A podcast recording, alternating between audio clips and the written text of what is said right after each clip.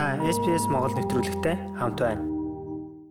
Оршин суух хөтөж булангаар энэ удаад Брэжин визаны тухай албаны хүмүүсийн тайлбар мэдээллийг хүргэх гэж байна. Монголоор холбох виз эсвэл гүүрэн виз гэж нэрлэгддэг энэ визийг дараагийн визний шийдвэрийг гартал Австральд хууль ёсоор оршин суух эрх олгодог виз гэж ойлгож болох юм а. Энэ оны 3 дугаар сард Австральд 350 мянга гаруй хүн гүүрэн визтэйгээр оршин сууж байгаа нь түүхэнд байгаагүй хамгийн өндөр тоо болж байна. Хүсэлт гаргасан хүний онцлог байдлаас шалтгаалan Bridge Visa A, B, C, D, E, F, R гэх мэт төрлүүд байдаг. Энэ удаад хамгийн нийтлэг зарим гүүрэн визний төрлүүд болон ямар эрх нөхцөл дагалдаж ирдэг тухайд тайлбарлах болно. Сиднейд үйл ажиллагаа явуулдаг фермийн хуулийн зөвлөх Алан Ригстай бид энэ тухайд ярилцлаа. Тэрээр Австральд цагаачлан амьдарч байгаа хүмүүс хууль ёсны байхад энэ виз тусалдаг хэмээн яриагаа эхлүүлсэн юм а. Австралийн визийг хоёр төрөлд хувааж болно. Эхнийх нь та эндхийн иргэн биш бол энд ирэхээс өмнө авдаг visitor visa, holiday working visa болон permanent residency гэх мэт визүүд байдаг. Нөгөөх нь гүүрэн виз юм. Нэрнээс нь харахад энэ бол нэг визээс нөгөөд шилжих явц. Энэ бол ямар нэгэн үр дүн шийдэл биш харин виз гарах хүртэл эсвэл Австралиас гарах хүртлээр хууль ёсоор оршин суух эрх олгодог юм а. Ерөнхийдөө гүүрэн виз нь хүсэлт гаргах үед ижил нөхцөлтэй байдаг. Ингээд төрлүүдийн ялгааг товчхон тайлбарлая.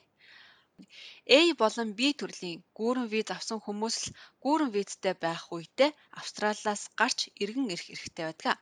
Харин C болон E төрлийн гүүрэн виз ихэвчлэн ажиллах эрхгүй ирдэг.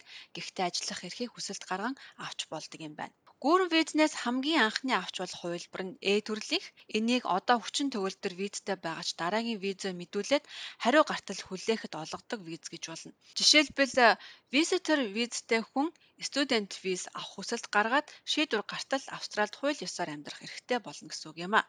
Bridging visa A давуу тал нь Bridging visa B-д хүсэлт гаргаж болдог. Энэ визтэй үед та бусад улсад зорчих иргэн Австральд ирэх эрхтэй болдог юм а. Энэ тухайд бид цагаачлал болон хуулийн зөвлөгөө үйлдвэрлэдэг Рави Расвани гэх хүнтэй уулзаж ярилцлаа. A BVB is Та Bridging Visa A-тэй байж угаад хаа нэг тийшээ аялахаар болсон бол Bridging Visa B-г мэдүүлж болно. Тухайлбал та энд visitor visa-тэй ирээд partner visa мэдүүллээ гэж бодъё.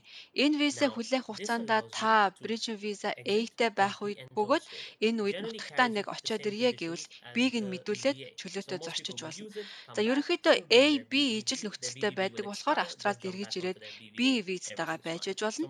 Ингээд Bridging Visa B чанд дуусах үед A рүүгээ шилжиж болно.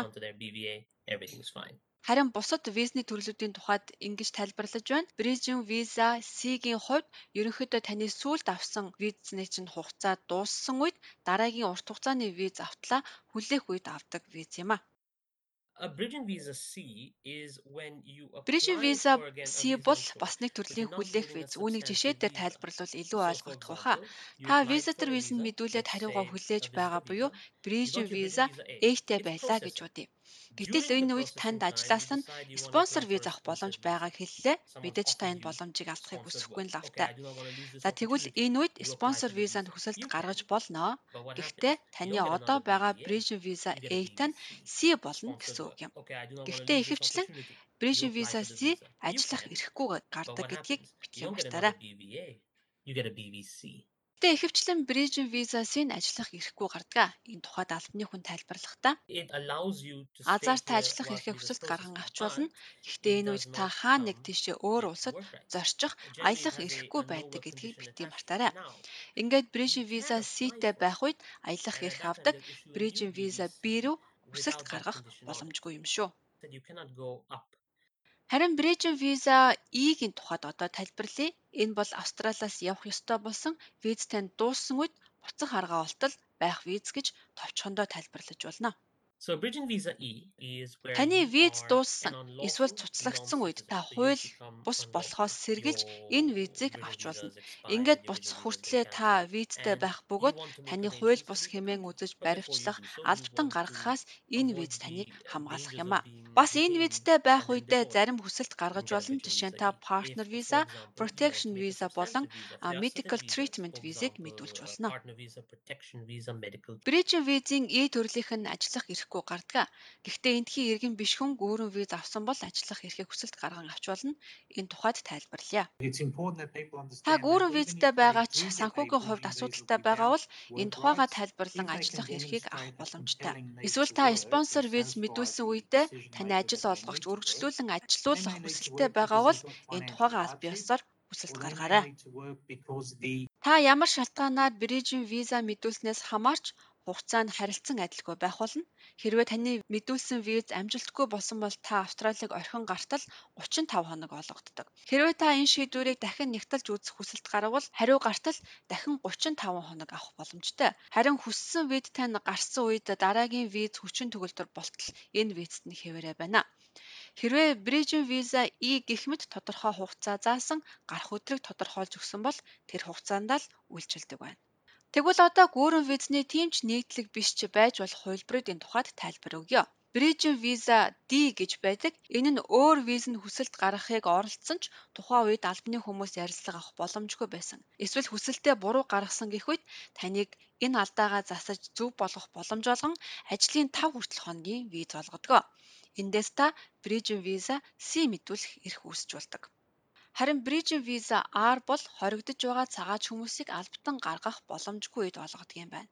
Тэгвэл Bridging Visa F-ийг хүн худалдаалах боолчлох хэргийн хохирогч болсон байж болзошгүй визгүй иргэдэд олгодог.